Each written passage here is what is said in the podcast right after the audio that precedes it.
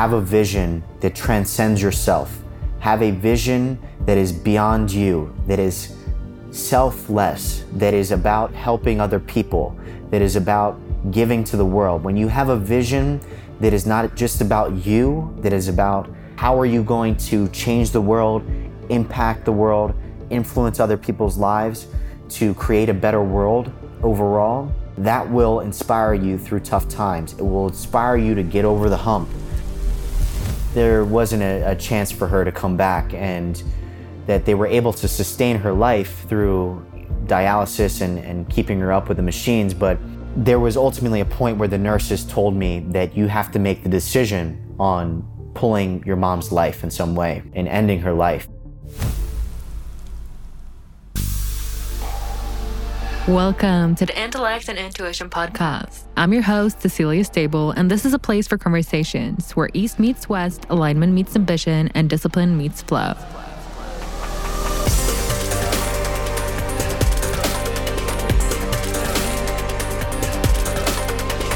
Hello, Soul Tribe. I'm so excited to introduce you to Justin Rice.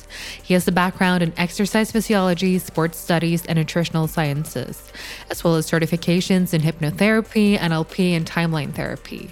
He's trained NFL athletes and biked across America. But after unexpectedly losing his mother in his junior year of college, he was inspired to pursue acting and modeling. Essence Magazine has coined him one of the top models to watch out for. But we're not talking about fashion or film today. Justin has great mastery over both his physical body and mind, and will give you some inspiration for how to achieve the same. Expect to learn why Justin decided to bike across America without really training for it, what he's learned from the experience. Why freedom is one of his most important values. How meditation has changed Justin's life. Why community is so important and how to build it. Why you should be thinking more about death than you probably are and so much more. Justin's a great friend of mine who's been teaching me a lot over the past year, and I can't wait to share some of his wisdom with you. If you want to keep up with the show and all of the exciting guests I've lined up, please make sure to hit the subscribe button. It's the only way to make sure you never miss an episode. It supports the show and would make me really happy. So, pause the podcast and take two seconds to do just that. Thank you.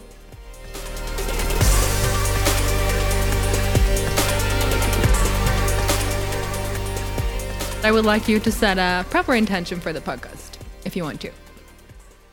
Yes, uh, the intention for this podcast for me is to inspire people, to hopefully educate and inform people of new information that can help them improve their lives in some way and ultimately create the life that they desire. So that is my intention for today. Beautiful. Let's uh let's wake some people up. Yeah. yes. So I would love for you to tell a little bit about your background uh, and for the listeners to kind of get a little bit of the most important context that they need to know about you in order to understand who you are today. Yeah, so I was born in a small town in New Jersey, and I was raised by a single mother who worked three jobs at one point to put food on the table we grew up with a lot of animals in the house, so I'm a huge uh, animal lover. And growing up, I played a lot of sports. I played basketball, soccer, football, and I was uh, also an artist as well. So I drew quite a bit in, in my uh, younger ages. And fast forwarding, um, I went to school for exercise physiology and nutrition. I was uh, pre medicine uh, in college, and I really had a fascination for how the body works and how we can use exercise and, and nutrition to improve our lives in some way. And my junior year of college, uh, my mom unfortunately passed away unexpectedly, and it led me down a, I would call somewhat of a spiritual awakening where I was led into meditation and I had some really profound moments where I woke up and just realized that I wasn't uh, who I thought I was originally. And that led me down a journey of uh, biking across America with a good friend to raise money for single mothers. And that was all inspired uh, because of my mom. And also during that time, um, I questioned if I wanted to go down the medical route and becoming a doctor, uh, to become a doctor. And I ended up transitioning after my mom passed away and I went into modeling. I did a bunch of runway shows while I was in college and I, fe- I was featured in a bunch of magazines as well. And that transition into modeling eventually led me into becoming an actor. And uh, that is now my main focus is to uh, create films that uh, inspire and transform the world. So hopefully that uh, recaps uh, my life in, in a minute in a minute. Beautiful, yeah, and they'll get to know you better. There's uh, there's a lot of stories in between the storylines here. So, as you spoke about, like you've been incorporating both the mental body and the physical body into your practices, and there's a lot of people in this segment who get really into the physical body, really into fitness, into lifting, or really into the spiritual realm where it's all angels and light and love. uh, but you've and you've gone pretty down the ra- biohacking rabbit hole, uh, as I have as well. Uh, but now you've kind of find a way to incorporate both of these sites into your life, as as you just told us. Um, but I would like for us to start about uh, talking about the physical body and the adventure that you talked about about biking across America, which is a huge endeavor uh, that you barely trained for. So I would like for you to tell us a little more about it, how it came about, how it was. Yeah, well, you know, I think that's a good point uh, to start off with is that there, there really is no separation between the physical and the spiritual. And that's something that um, I really came to understand uh, through this bike ride. And the bike ride started, uh, it was inspired when I was on a uh, vacation trip with a good friend in Italy. He was up early in the morning and he had a GoFundMe set up. And I asked him what he was up to, and he told me that he was he wanted to bike across America.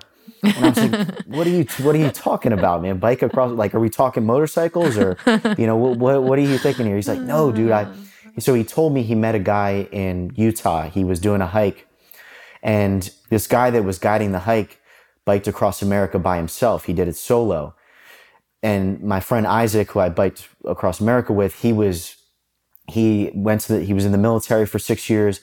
He's kind of he. I, he's like a David Goggins in my eyes. He's really he knows how to he knows how to push himself physically mm. to another level. So when this guy on in Utah told him about this, it immediately inspired him. Um, you know, he believed that he could do it.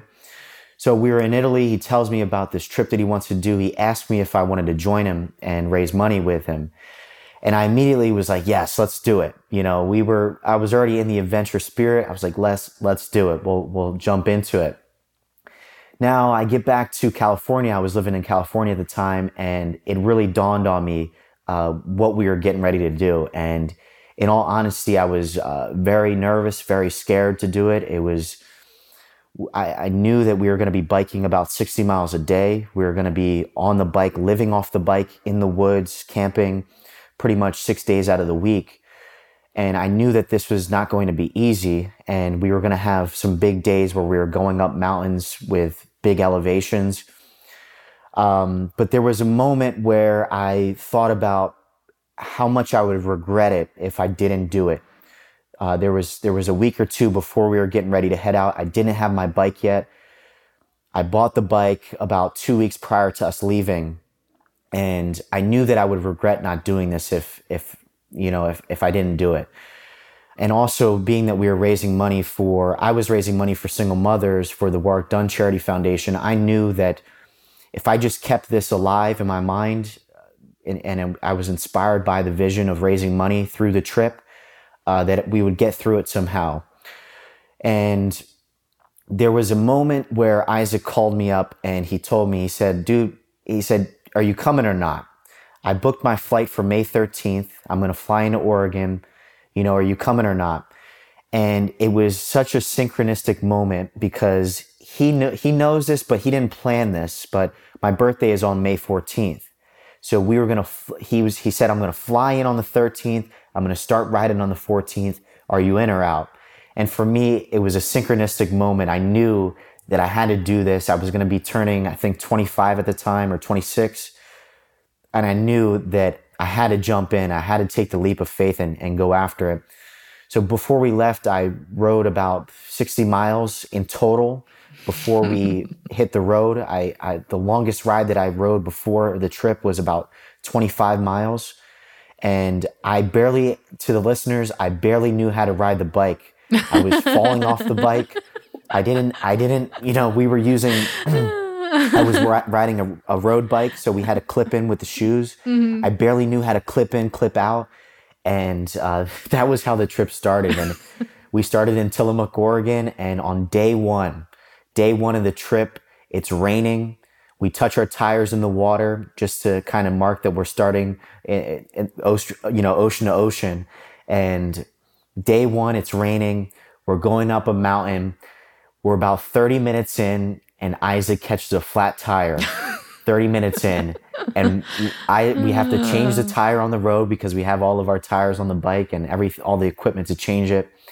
And we're getting rained on. And this is day one, and we we got probably 60, 60 more, 70, you know, 70 days to go.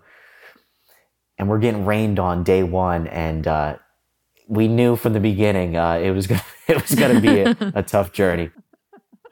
Wow. Yeah. It sounds like as much as that was the training for the physical body, it's like like you were saying, also a really hard mental challenge. And that's that's usually yeah. what stops us. The body can endure so much and endure so much friction and pain and discomfort, but we're like, ah, uh, do I really want to do this? So, but it sounds like you hadn't been too nice. So it was raining on your birthday. So it was like you were creating this issue yeah. yourself, but I'm happy you were able to overcome it. well, well, th- this is where, you know, this is where the concepts that we've both learned about overcoming the body, overcoming the environment, and, and really overcoming time as well. There was a moment when we were probably about a week in and we were really physically beaten. Our we when we were going to bed at night, we were living in a tent at this point. We eventually shipped back the tent because it was probably one of the heaviest things that we had on the bike and you could really feel every pound on the bike, especially when you're going up a mountain. But there was a point where we went to bed one night and both of our legs were were just cramping because we were living off of pretty minimal nutrition. We were going from convenience store to convenience store. We would try to get breakfast in the morning before we left. And we, there were some food deserts on, on the way as well, especially um, on the west side. There was a lot of food deserts where there really wasn't, we didn't have access to great food. Uh, so there was a moment where I was really starting to get into meditation and visualization. And I had to wake up. There was a moment where I knew that if I didn't do this, I, I wasn't, I personally wasn't going to be able to keep going. And I would wake up before we left. Typically, you know, we would leave early in the morning, five, six in the morning. So I would wake up usually four, five o'clock before we left, and I would do a 15 minute meditation, very quick. And all I would do, I would visualize myself at the end of the race, or not the race, but the end of the bike ride. I would visualize ourselves at the end, Tybee Island in Georgia, touching our tires, and I would just try to get into the feeling of what it would feel like if we really, if we pulled this off, we raised a bunch of money for charity, we inspired a bunch of people. What would that feel like? And I would do that before we set off on our ride. Every morning, I would just think about that. I would close my eyes, I would visualize the end result and get into that feeling. And then I would try to keep that feeling as I was riding. So as we were on the bike, I would just try to stay in that state of gratitude and just really just keep myself immersed in the beauty of, of America. We saw some beautiful things going throughout America. And that was something that I really learned in that moment is, oh, okay, I can use my mind and my heart to overcome what I'm physically feeling and I can get through this. And I apply that to a lot of my training now. So, mm-hmm. So, did you have a meditation practice before you went on this trip, or uh, was that something you just kind of grasped to while in the middle of this really hard challenge? Yeah, I, I did have a meditation practice. Um, in the beginning, my meditation practice was really just simple silence, um, you know, putting the awareness on the body, going up from the toes to the ankles to the shins to the legs, all the way up to the head and dropping into silence, into nothingness. Eventually, I came across Dr. Joe Dispenza, as as you know, and you're very um, you know engaged in the work as well. And I eventually came across Dr. Joe, and his work really resonated with me. The neuroscience, the epigenetics, the quantum physics. So at that point, that year before that bike ride, I really started to get into his work. And this was in, I believe it was in 2018, where I really started to learn his information and begin applying it. So I would do his morning meditations on the bike ride, 15 to 25 minutes long. I would really just get into it, really visualize, all right, you know, what's this going to feel like when we pull this off? And that was a, a big moment because I really started to realize that this, this works. Visualization works. Mental rehearsal works. Uh, using the heart, opening up the heart to elevated emotions, it works. And uh, it really got me through some of those days where physically uh, we probably wouldn't be able to get through it, but spiritually, overcoming the body, the environment, and the time, absolutely could do it. So. Mm that was uh, my meditation practice at that point. Beautiful. So, do you feel like that was some of the biggest lessons from the trip? Actually, the overcoming of your body through your mind. Yeah, that that was definitely a big part of it. Another big part of it for the listeners is having a vision. You mm. got to have a vision that inspires you. You know, so for me, when I was getting up in the mornings and doing the quick meditations before we hit the the bike ride, the vision is what inspired me to keep going. And for Isaac as well, he was raising money for Army veterans. It was very close to his heart. So I encourage, you know, the listeners to have a vision that really gets you inspired and moves you.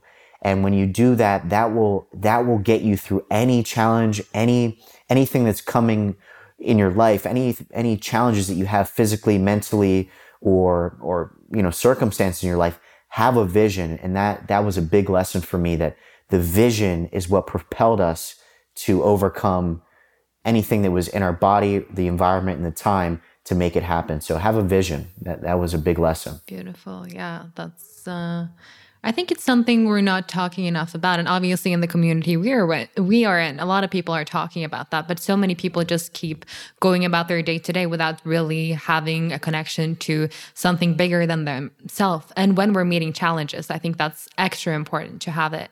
And I know you're about to challenge yourself physically again. You've signed up for a marathon in a few months.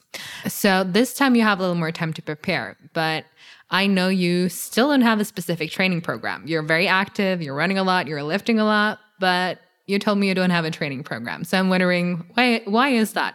You know, I so in college I was actually an athletic trainer and I programmed for collegiate athletes, for NFL athletes preparing for the college combine. I did a lot of online coaching and in-person coaching after college as well in a traditional gym setting and I used to program for myself as well, and I really just kind of got over it. It just is not the way I like to train anymore. I like to really do things more intuitively. I like to um, listen to my body a lot more and see, you know, just be honest with myself, you know, when I'm pushing myself, when I'm not.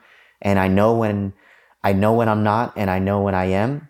Uh, it's something, it's just an internal dialogue that you have to listen to yourself. And really be honest with yourself. I think that's so important for ourselves to to be honest and transparent when we are pushing ourselves and when we're not.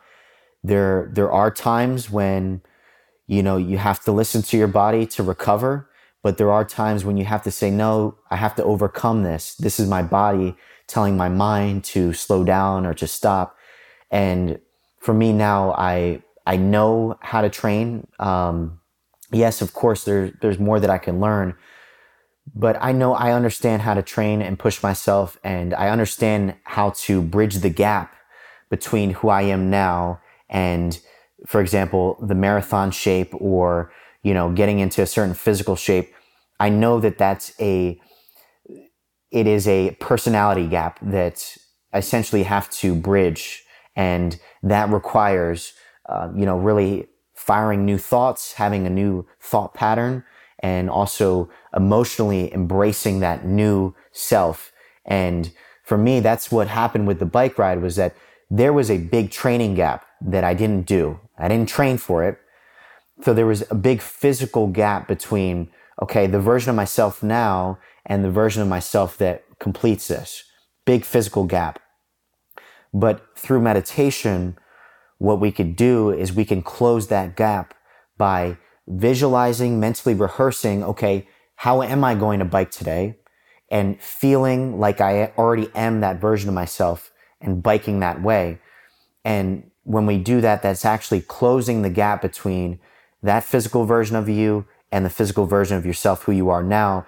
And then you could truly begin to uh, time travel in some way. um, you know, to to put it in a kind of a woo woo term, but you can really begin to time travel and actually quantum leap and jump into a parallel dimension where you are actually a different version of yourself and you're actually upgraded in a, in a new physical body where you don't have to train as much. You can actually shorten that gap because you're actually becoming that version of yourself in the meditation practice. Was that, did that make sense? Was that clear? Yes, yes, at least to me. But I, I know this work. But uh, we'll get more into that as well for the people that might have been like different dimensions, like what's going on here. I don't have to lift yeah. in order to get stronger. uh, yeah, actually, I think it would be good if you explain a little bit more because, yeah, explain a little bit what happens in the quantum and why why you have that thought pattern now. Yeah, well, the you know the research shows that you know somebody can mentally rehearse doing bicep curls, right? We've heard Dr. Joe explain this, right? There's research studies that show that you can have two groups of people, you know, one group actually performing a bicep curl, and then you can have another group, subset of group, that is mentally rehearsing doing the bicep curl. So they're not physically actually performing the bicep curl, but they're mentally rehearsing that they are doing the bicep curl, and then they're combining that with stronger, harder affirmations that are getting them to emotionally embrace that they're getting stronger. And the research shows that the person that mentally rehearses that can actually grow their bicep just as much as somebody who is actually doing the physical bicep. So what does that show us? It shows us that our thoughts are actually able to influence our body to change in some way. And that is something that we can pl- apply if we're training for whatever it is in our lives. You can actually begin in your meditation practice, closing your eyes, begin thinking about who you want to be, thinking about what would the athlete version of myself look like, feel like, train like, how would it feel when I'm training? You begin mentally rehearsing and identifying with that inner athlete that we all have, begin identifying with that version of yourself and really feeling it with the heart, really feeling, wow, how would I feel if I was this version of myself? If I was strong, if I was fast, if I was whatever it is that you want, if you want to be more intelligent, whatever it is, what would it feel like if I was that version of myself? You would feel empowered.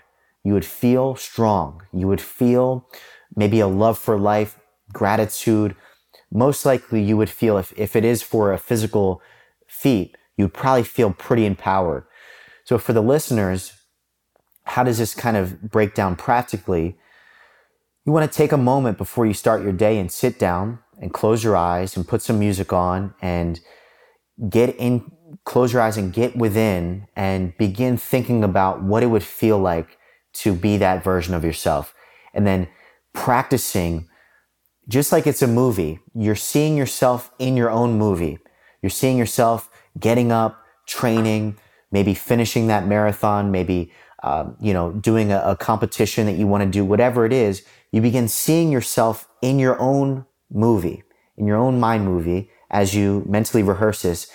And then you feel what it would feel like. And that is actually biologically on a, on a DNA genetic level you're actually changing your DNA to actually become that new version of yourself. And over time, you'll begin uh, becoming that version of yourself.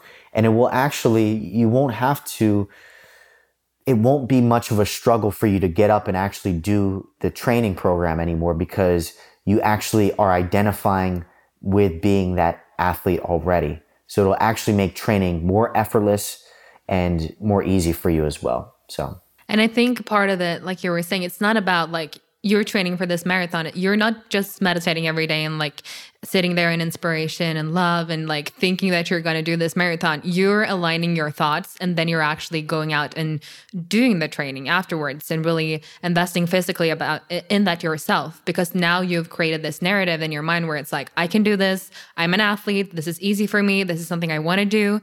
And then cuz a lot of people can probably think, oh, I just need to meditate. And that's great. We can really entrain the body for that. But then it's about taking the aligned action, which would really propel us forward. Um, because I remember when I went to see you a few weeks ago, we had a FaceTime call with a friend of ours, uh, also called Joe, different Joe, not Joe Dispenza. Uh, and he was like, oh, but then it means I can just sit here and kind of like meditate myself into great physical shape. And it's like, Yes, but also there's also beauty in the training, beauty in the discipline. And I think that's, um, at least for me, that's part of it as well. It's a way that I actually really get to connect deeply with my body uh, because we do sit a lot in the regular day now in society. And I remember you also spoke about training help you to actually connect to like sacred rage because we don't have a lot of we we go into the spiritual realm and a lot of people think it's all about this love and light and the angels. And it's like, yeah, that's great. But in order to access that, you need to feel the entire spectrum of what it means to feel. And that means the light and it means the darkness. And we have shadows, we have anger, we have rage. And we don't want to live that out in like every relation or everything that's happening in our life, but letting ourselves have places where we can tap into that, those feelings. I think that's super important as well.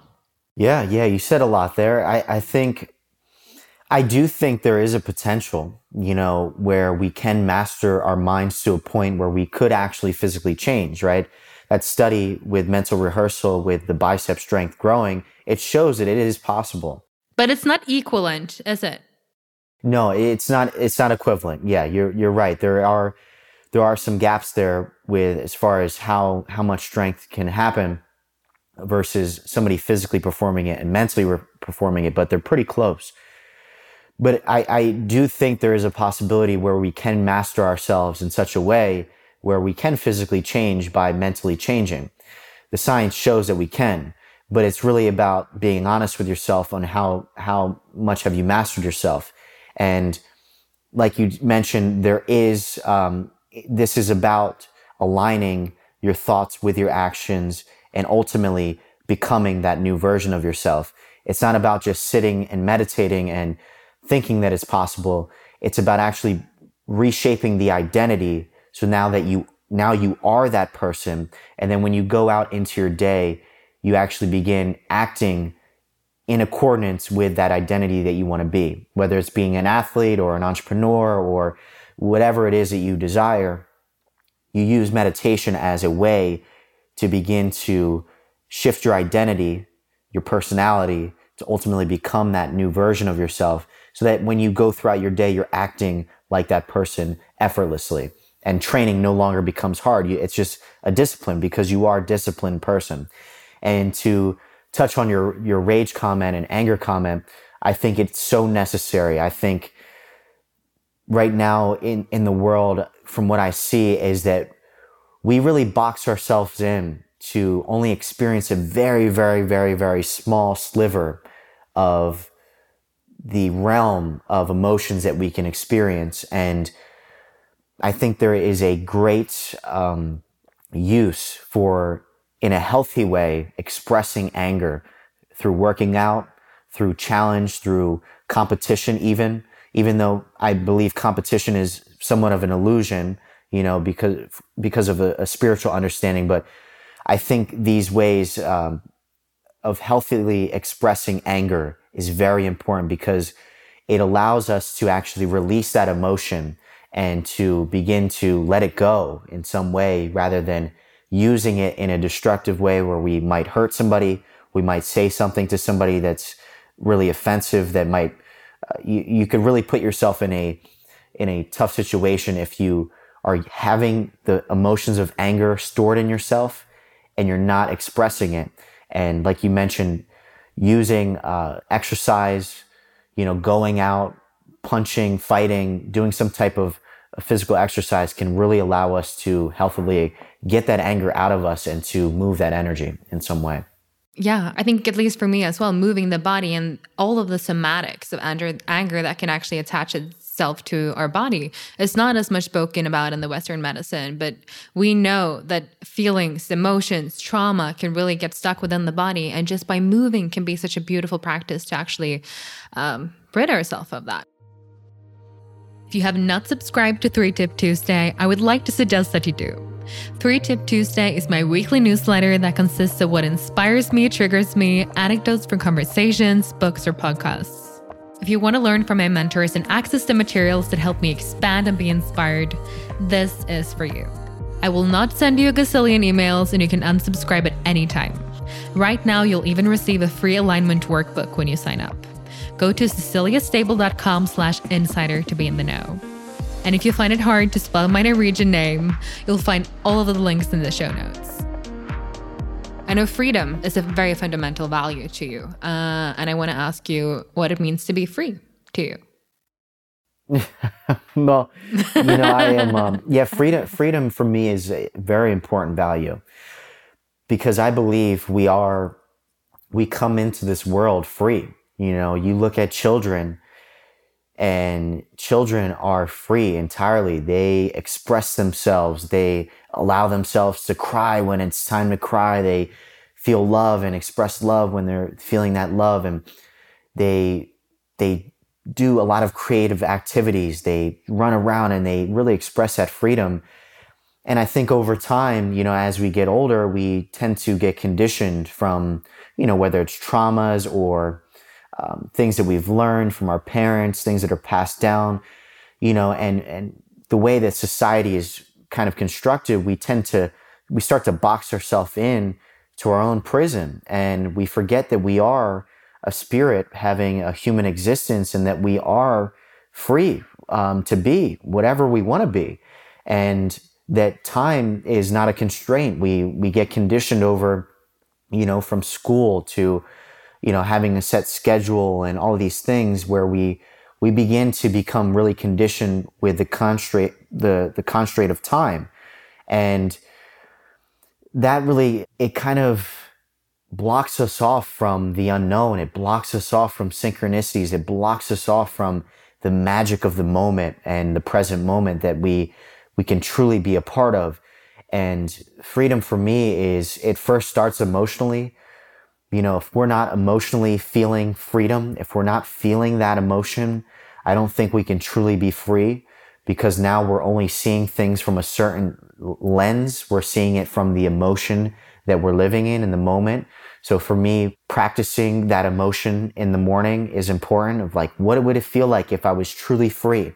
If I had all of the abundance to travel where I wanted to travel, be with whoever I wanted to be, that is what we, we search for with freedom. We want to go where we want to go, be with who we want to be, and be wherever we want to be at any point in time.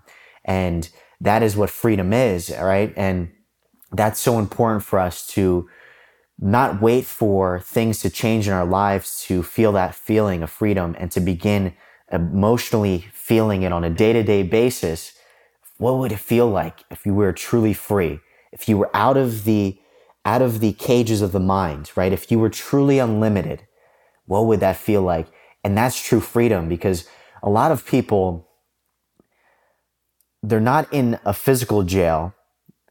They're not in, in a jail cell, but they're in a jail cell in their own mind. Mm. And we all have that jail in our own mind. We have limited beliefs where we, we think we can't do something because we just think we can't right? Because of conditioning or traumas or beliefs that we have.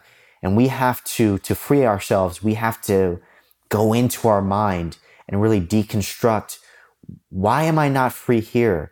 What belief is holding me back here?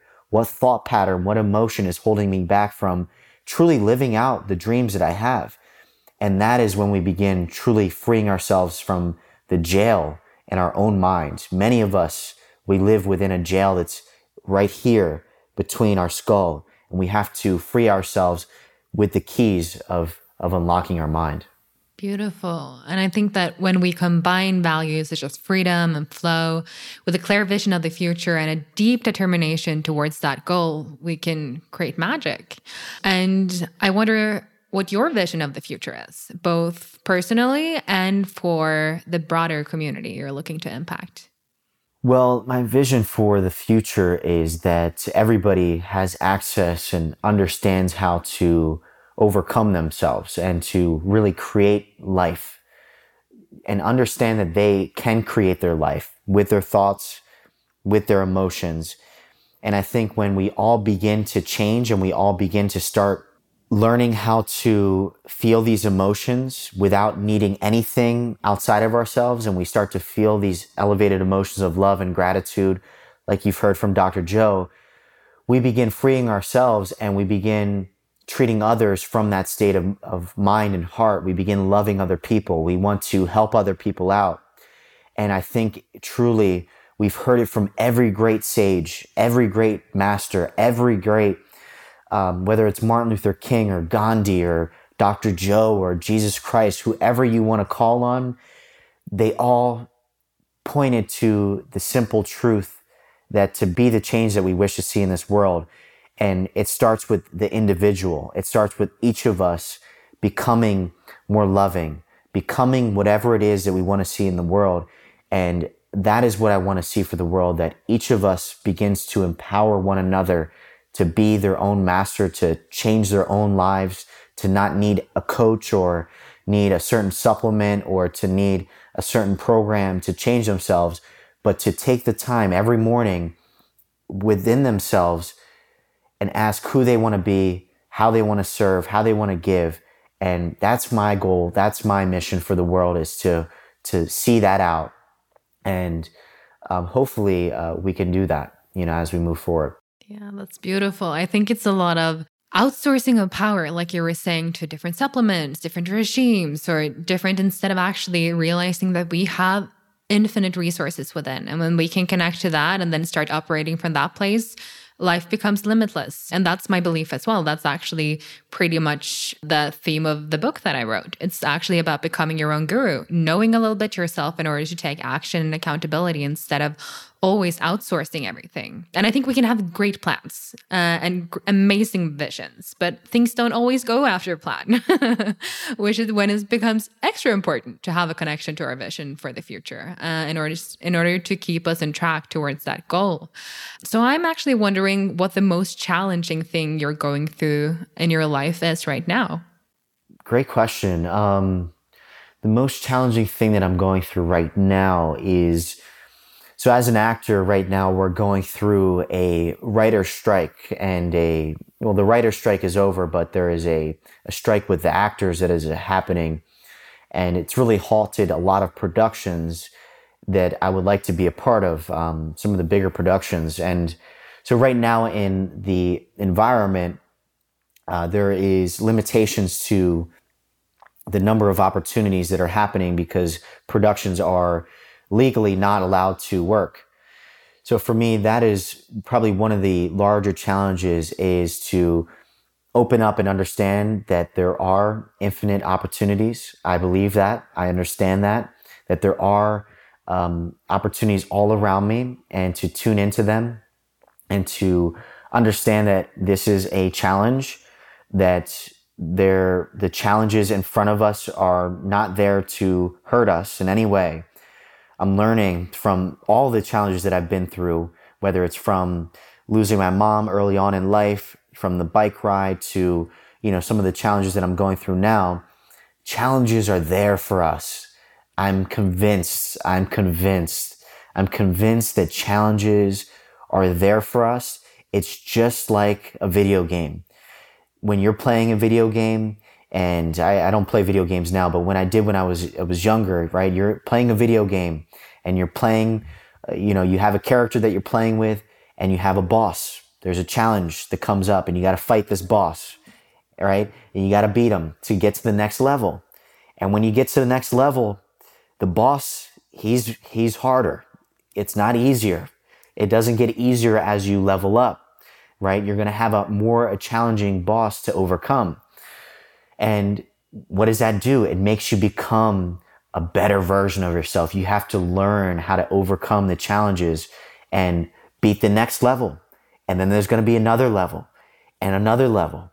And we're on this journey. And I'm convinced that as we get better and as we rise in our own lives, our challenges, they rise with us. They're going to be more difficult, but they're going to be there to help you realize a limitation that you might have in that moment to overcome and to become a greater version of yourself. So for whoever is listening, I know that the challenges that I have right now are, are minuscule. We have great challenges happening all around the world. We know that. There are wars going on, there are poverty, there's there's a lot of things. People are starving. I'm aware of that. The challenges that I have in my life are they're nothing. But for those that are going through really, really tough challenges, understand that these challenges they they are a blessing in disguise. It might be tough to see it, but they you will look back once you overcome the challenge, you will look back and you will say that was exactly what I needed to go through. I needed to go mm-hmm. through that to get to where I am now. So for the listeners, be inspired by your challenges. They are there as a great teacher to overcome. And I promise you, once you get over them, once you get over the mountain, you'll look back and you'll be so happy. You'll be so proud. You'll be so inspired by that past version of yourself that you wouldn't want anything to change because it brought you, it, it made you become who you are now. So, and I think the the challenge is the initiation. So often we can go to we can go to retreats or we can go to trainings or we can re- get really deep down into different things. But life is the biggest initiations of all. Like actually, the way we meet others, the way we meet ourselves when we are going through adversity, uh, that can be really hard. And like you were saying, like, oh, my challenges are not that big right now, but whatever is happening to us at the moment is the closest to home. So it might feel big, even though it doesn't sound like that to other people. Uh, and I think that's important to acknowledge as well. We can always say that we're not suffering as much as someone else, and maybe we're not, but it's still important to acknowledge how that makes you feel in the moment uh, and just because uh, we can there's always going to be someone else who's having it worse than you and it doesn't mean you can't acknowledge your hardship because someone else has it worse and i think that's um, it's just important to remember because I know there's a lot of empaths probably probably listening in who's always like, oh, but my my issues doesn't matter, and it's like, yeah, they do. You're allowed to have them too. Uh, and sometimes when we go through initiations like that, it can feel hard. Uh, but it's really good to have some practices to come back to in times like that. So I'm wondering how you're keeping your spirit strong and making sure that you stay in touch with your vision of the future rather than fall to the level of your surroundings when you face adversity. Yeah, great question. I think this first starts with the practice of gratitude. This is so important, you know, in the morning to practice being grateful for nothing other than life itself. You could think of other things that you have in your life as well to help you feel that emotion, but just to be alive, to be able to have another day, to be able to have the life that you have currently, no matter what's happening on. Practicing gratitude will get you through many challenges. And going back to what you said there, that yes, the challenges that are in my life right now, yes, they might uh, be challenges for me now currently. But when I look at other people's lives that, that are going through really tough things, it makes me feel grateful for the things that I'm overcoming or the, the battles. It makes me realize that uh, this is nothing compared to what others are going through. And it really helps me have compassion for other people, mm. empathy for other people, and also a level of inspiration to get up and and realize no this is nothing. This is this is this is not hard at all. Get up get overcome it and you have lives to help out. You have a privilege here to give back to other people. You have you have almost a duty to to give back and to help other people out of their situation that are going through much worse than you right? So i think that can really be a great perspective shift sometimes in our own lives when we're going through challenges to wake up and realize, no, you're not going through much. This is not tough at all. You get over this, get over this. You're going to be okay. Get over this and go go help other people out and you'll realize that we'll realize that um, this has never been about us it's never been about our own lives it's always been about how can we give to other people and how can we be a servant in some way to also address your question there to overcome challenges. We talked about this in the beginning of the podcast. Have a vision that transcends yourself. Have a vision that is beyond you, that is selfless, that is about helping other people, that is about giving to the world. When you have a vision that is not just about you, that is about how can, how are you going to change the world, impact the world, influence other people's lives to create a better world overall, that will inspire you through tough times. It will inspire you to get over the hump because it's not only your life that you're thinking about, you're thinking about your family, you're thinking about your local community, you're thinking about the world overall and how we can impact that. And that, that will, if you're truly immersed in that vision of the future, if you're truly thinking about what would it be like if I could, if I could help this one person, you know, think about somebody you love or think about somebody that's really close to you in your life.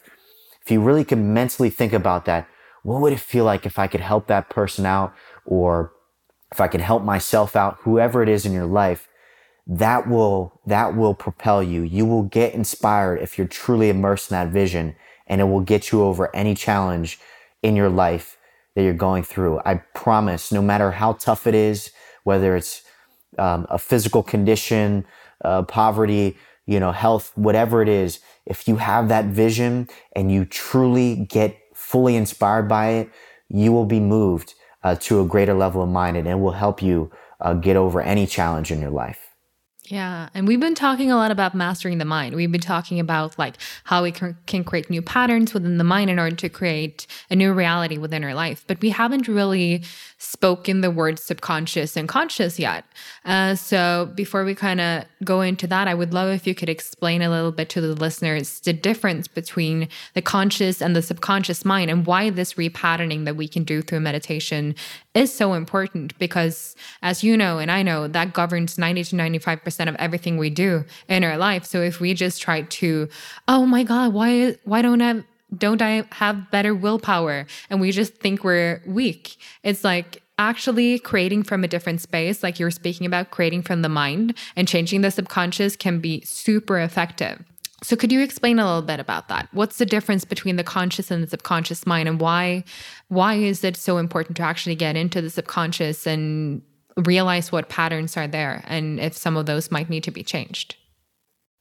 Yeah, great question, Cecile. And yes, to uh, to answer that question, um, it's important to understand the subconscious versus the conscious mind, right? So you could think of the conscious versus subconscious mind uh, very similar to a an iceberg, right? So an iceberg that we see, right? We could see the five percent of the the glacier at the top of the water. That's five percent of the conscious mind, but 95% of the iceberg is actually underneath the ocean, right? So for the listeners, you can pull this image up on your, on your, um, on your computer. Just pull up subconscious mind iceberg photo and you will see the representation. And this is very representative of how we operate as human beings. 5% of our conscious mind, it's our thinking analytical mind that we, we use, right? So somebody can have a thought of what they want, and that's using your, your conscious mind. Now, the subconscious mind is 95%. It's actually running the show. It's actually beneath. It's actually ingrained in our nervous system without our, within our physical body. Our mind is within our body, right? So to get our thoughts, our visions aligned with who we actually are, we have to begin getting into the subconscious mind. So, for example, a lot of people, they think, oh, I want to run a marathon or I want to, um, I want to create a business or I want to, I have this dream that I want to do. They have that conscious thought, but why is it not happening in the actual, in their actual life? because the body has been conditioned subconsciously to live in the past, right? So in order for us to actually begin stepping into that new version of ourselves, we have to reprogram the subconscious mind. And how do we do that? We have to actually get into the operating system of the subconscious mind. And that requires us to slow down our brain waves. We've learned this from Dr. Joe. I'm certified in hypnotherapy, certified in NLP. I've learned this in hypnotherapy school. We have to slow down our brain waves to get into the alpha, the theta, the delta brainwave states where the subconscious mind actually is. And that requires us to slow down our breathing. When we slow down our breathing, we slow down our brain waves. And then we can enter into that subconscious mind. Also, the research shows, Dr. Joe has talked about this many times, when we open up our awareness, when we begin to sense the space around us through a meditation practice, putting our awareness around our body actually helps us to slow down our brain waves and enter into the subconscious mind. And then from there, when once you are inside, uh, once you are in that brainwave state, once you are no longer thinking, you are nobody, nowhere, no place, no time, as Dr. Joe Dispenza describes, you can begin changing your thoughts. You can begin embracing that new vision of yourself.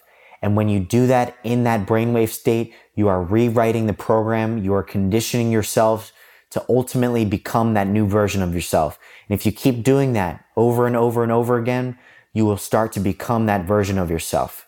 And that's so important for people to know. If they're, if they're looking out into their lives and something, they have this thought of what they want to do, but for some reason it's not happening, we have to look in our subconscious beliefs. We have to become aware of our unconscious self. And that starts with getting into the subconscious mind through a practice of meditation or hypnotherapy or, or some type of practice to get you into the subconscious mind. And as Dr. Joe describes and many other teachers describe and myself as well, that there's two doors really to enter into the subconscious mind. The first one is in the morning because when we're waking up in the morning, we're going from those delta brainwave states, right? We are sleeping at night. Hopefully we're entering into the REM cycle where we're in the delta brainwave state. And as we wake up, we start to enter into alpha brainwave state. And then eventually we go into the beta brainwave state, which is where we're at currently as we're talking. But you could take advantage of that window from delta to alpha to beta. You could take advantage of that window. And instead of going right into the day, you could slip into a meditative state, take advantage of those brainwave states, and then begin reprogramming yourself subconsciously. The same thing happens right before we go to bed at night.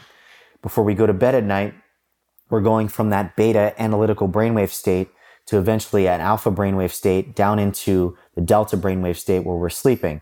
So you could slip into that subconscious mind once again before bed and reprogram yourself and reprogram yourself for new beliefs, new visions, new emotions. And those are two great windows to go ahead and do that. So that implies that changing our habits with willpower only and neglecting the programming of the subconscious mind is going to be really hard. and that meditating yeah. in the morning or the evening is a great practice to get into. And it doesn't have to be an hour practice. Like starting with 15 minutes is amazing and it can create huge changes in your life. And I know that's happened for both of us. And um, you're very invested in meditation and this community. And you and I initially met at a meditation retreat. And I know that community is a great importance to you. And I've been so lucky to meet some of the people in the community you have in Atlanta. But a lot of the people are not experienced that kind of connection. Uh, we're moving more other communication online, and more and more people are missing that authentic connection from human to human, heart to heart, um, not just on the shallow level, but the deep, raw, and real level that can be so enriching to be surrounded by like-minded people. I want to know why why that community is so important to you.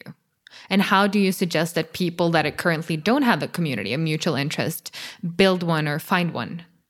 Yeah, th- this is community is so important for our well-being, our mental health, our overall sense of life. It is vital. It is one of the most important pillars of health is having community, having a strong sense of community. I know you are aware of the blue zones, right? You've gone down the biohacking path and you know, for the listeners, uh, I recommend looking into the blue zones of happiness and the blue zones of health. There are areas around the world, right? Dan, I believe his name is uh, Daniel Perlmutter, if I mm-hmm. if I'm correct on his name. Yes. But he studied the areas in the world where they see where most people live past 100. They become a centenarian. Where are these areas at in the world where most people are living past 100? So he found out that there's a few areas around the world where there's these groups where there's a high concentration of people that are living past 100. And he studied these areas and he was studying their nutrition habits. He was studying their, their exercise, their, their lifestyle. He was studying all these aspects of their life. And he realized that there wasn't one commonality between their diet. There were some groups that were eating this way. There were some groups that were eating a different way. They all had kind of a different, different diet, different lifestyle. But one of the things that was one of the biggest causes of them living past 100 was a sense of community. They were surrounded by family. They were surrounded by loved ones. They were surrounded by people that were like-minded. And that goes to show there's no diet. There's no exercise regimen.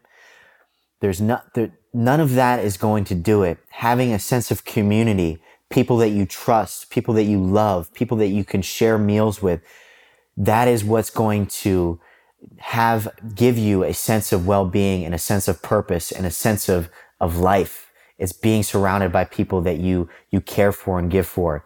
So for the people, I know you have a, a big listener group of people who are in the health and wellness space.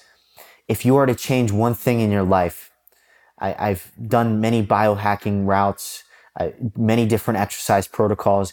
I can tell you the most important thing you're going to get the greatest return on in your health and in your overall sense of purpose of life is going to be surround yourself with a sense of community. Get around people that you have a similar mindset with. And to do that, it's very simple.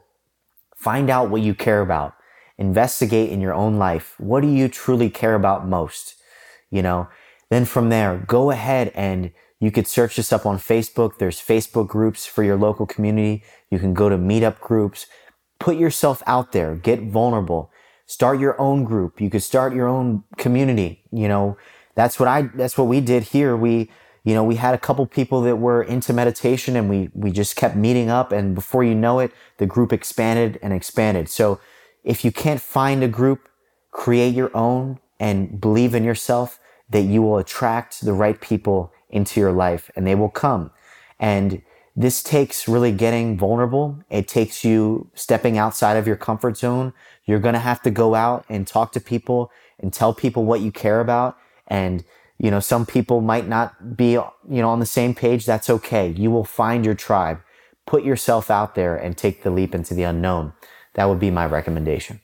Beautiful. And I think what you said about like no exercise regime, no diet is going to do this. And I just want to emphasize for the listeners that you have a bachelor's in exercise science and nutrition. And this is, you're still saying this and you felt this in your life. And I think we can talk about living a long time like the centenarians, but if you don't have community, if you don't have love in your life or people that you care about, none of these biohacking tools are going to matter if you're just like running around and being super smart about everything all day, but you don't have that joy and that connection, which is truly what life is about. And I want to make sure that we touch upon a topic before we we wrap up um, that's kind of connected to this, but it's very rarely something we talk a lot about in society, which is death. And I know that through you touched upon this earlier in this conversation as well, through losing your mom in your early 20s, you cultivated a more intimate relationship with that than a lot of people uh, get to experience that early on in their life. So how did that experience change your relationship to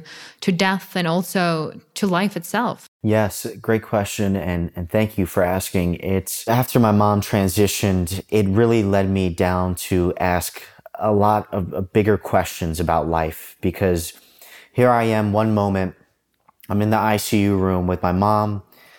holding her hand as um, and, and for the listeners my mom was was in the icu room for for many many days and there was a moment where uh, the nurses and and the surgeons they eventually told me that there wasn't a, a chance for her to come back and that they were able to sustain her life through dialysis and, and keeping her up with the machines but there was ultimately a point where the nurses told me that you have to make the decision on pulling your mom's life in some way, right? And ending her life. And there was no, there was really no choice for me to make at that time. I knew she was physically uh, going through a lot of pain. Her body was uh, really not what it was before. And I knew that I had to make that choice. And I'm in the ICU room at 20 years old. The nurses tell me, you know, hey, you got to make this choice. So you know, I'm I'm a, I'm an emotional mess at this point. I'm you know I'm you know I'm getting ready to have to call the call the plug on my mom's life, and they asked me if I wanted to be in the room with her as uh, as she transitioned, and I said, of course, of course, I want to be there. And so I go into the ICU room, and it's just myself and my mom and the nurse, and I'm holding my mom's hand, and as the nurse pulls the cords to basically end the uh, support on my mom's life, I witnessed my mom uh, take her last breath. I, I, witnessed it. I can remember it very vividly. It was a very, very big gasp of air that she took, and and then you know I heard the all the noises that you hear uh, when somebody flatlines.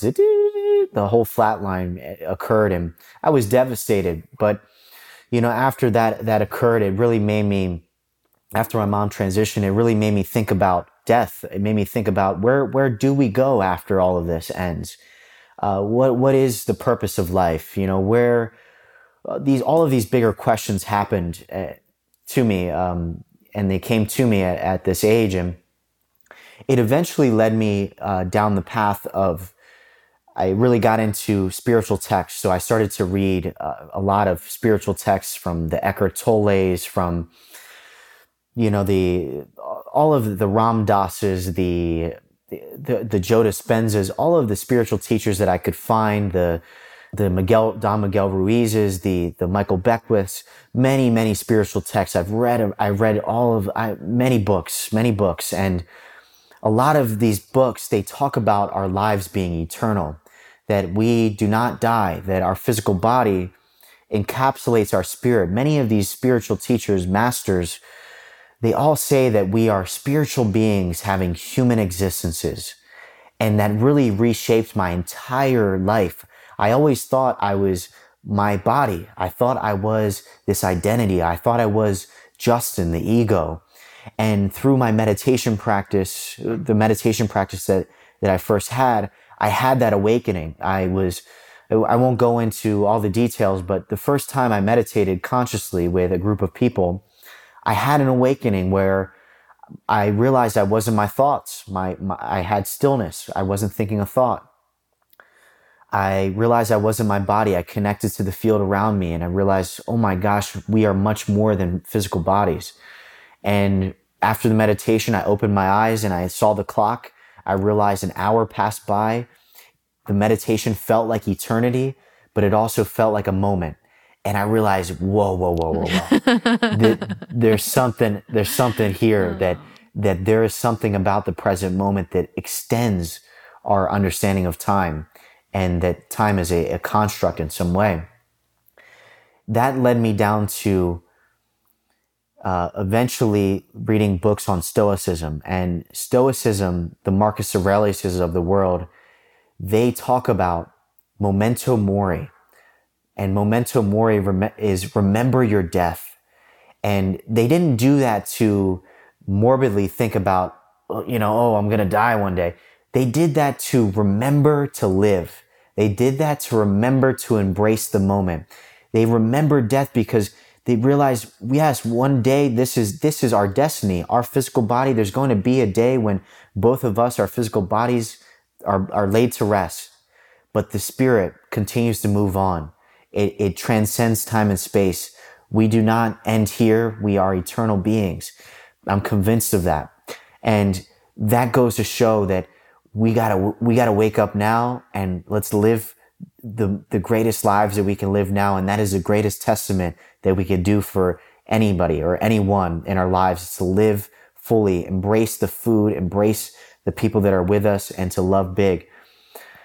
And my mom's death uh, illuminated all of that for me. I've had many experiences with my mom on an energetic standpoint where it was clear as day. I've had moments, I won't go into the entire story, but I had a moment where I had a, a clear connection with my mom and I was in an elevated, um, elevated state. I was in a very, very elevated state for the listeners.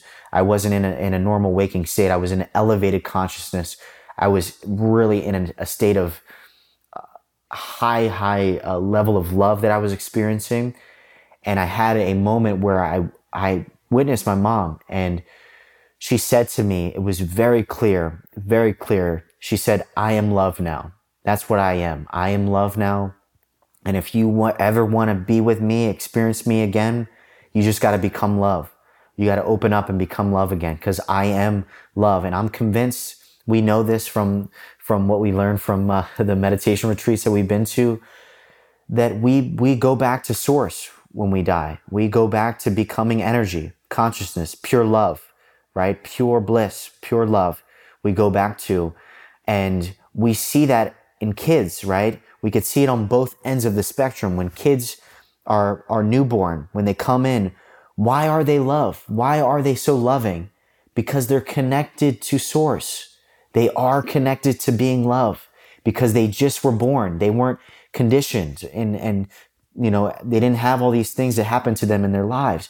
And then why at the end of our lives, why are the elders, why do they seem to be so loving? You know, they're, they seem, not always, of course, you know, of course, you know, but, mm. but, you know, a lot of them, you know, especially if they had a near death experience, like I, I recommend people watching the, the movie After Death. They talk about people who had near death experiences, people who, who died. They were, the doctors pronounced them dead. They, on the, on the EKGs, it, their heart flatlined. They, their physical body died. They came back to life miraculously. They came back to life and then they explain what happens and I recommend people go watch this movie because it's, it's really phenomenal. But all of these people that had these near death experiences, they say they experienced something very similar. They all said that they had an experience of unconditional love when they died. They saw a profound light. They said that one of the ladies said that she saw a light that was brighter than the sun. And they were all convinced, most of them, that they were, they were in heaven they were experiencing a unconditional love that was greater than anything that they ever experienced. So it goes to show we can learn from people who died and came back that we're going to go back to love. So why not? Let's try to become love now in this lifetime and let's try to live in love and embody that while we're living. And yeah, so it's, um, yeah. I think that's that's just a message to take away. And I think like you were speaking about memento mori, I I actually contemplate death quite a lot and not in a like dark way, just in a like this life is now even though we're eternal beings like this this body that i have right now and what's going on it's it's happening right now. And so many people just go unconsciously living their life, not in this YOLO way where it's like, oh, I'm just going to make the most out of it, but in this very conscious way where the, or unconscious way where they're just repeating the same patterns over and over again in life because life is in a way very long but also really short. So if it doesn't seem like there's an end to it like oh it's only a day it's only an hour you know but there is going to be an end. And actually taking that in fully in order for us to create as much as we can create as much love create as much better vision and whatever we truly feel like we're here to do while we're here i think that death can be a beautiful reminder of that to just like do it now. Don't wait. Yeah yeah. Oh. it I, I, I don't know if you've read uh, the book Five Regrets of the Dying by Bronnie Ware. I recommend everybody to read this book. I read this book uh, many years ago, and I recommend everybody pick this book up. The Five Regrets of the Dying. It's Bronnie Ware was a palliative care nurse, and So essentially, she would be there when people were getting ready to die, and she would talk to them as they were, you know, that had their last few days or few weeks or a few months. She would talk to them, and they would a lot of times open up about the regrets they had throughout their life. They would say, Hey, I, I wish I, I lived life this way instead. And if you look up the five regrets, it will truly shift your perspective on day to day life. You know, one of the, one of the five regrets was, I, I, I just wish I let myself be happier. It was one of the five regrets that most people had was just wish they let themselves be happier. And I recommend go through that book. Um, I actually wanted to see here the five regrets. The, the first one is, I wish I had the courage to live the life true to myself, not the life others expected of me. Number two, I wish I hadn't worked so hard. Number three, I wish I had the courage to express my feelings. Number four, I wish I had stayed in touch with my friends. And number five, I wish I had let myself be happier. Mm. So if people are telling that to us as they're getting ready to pass away, that that's their regrets, let's be wise enough to listen to them and, and try to embody some of their lessons in our lives.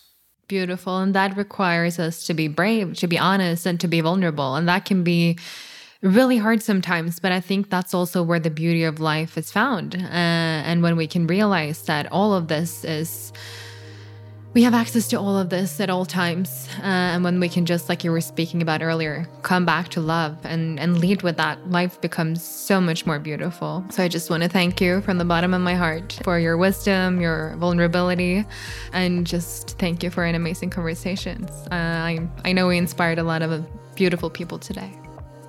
Thank you. Thank you for, for being who you are. Likewise. Thank you for tuning in. Don't forget that you might be listening but not subscribed. That means that you're gonna miss episodes when they go live, and there's so many juicy conversations coming up that I think you'll wanna stay in the loop on. So head to Apple Podcasts, Spotify, or wherever you're listening in and press the subscribe button. It really does support the show, helps me get better guests each week, and makes me really happy. Thank you.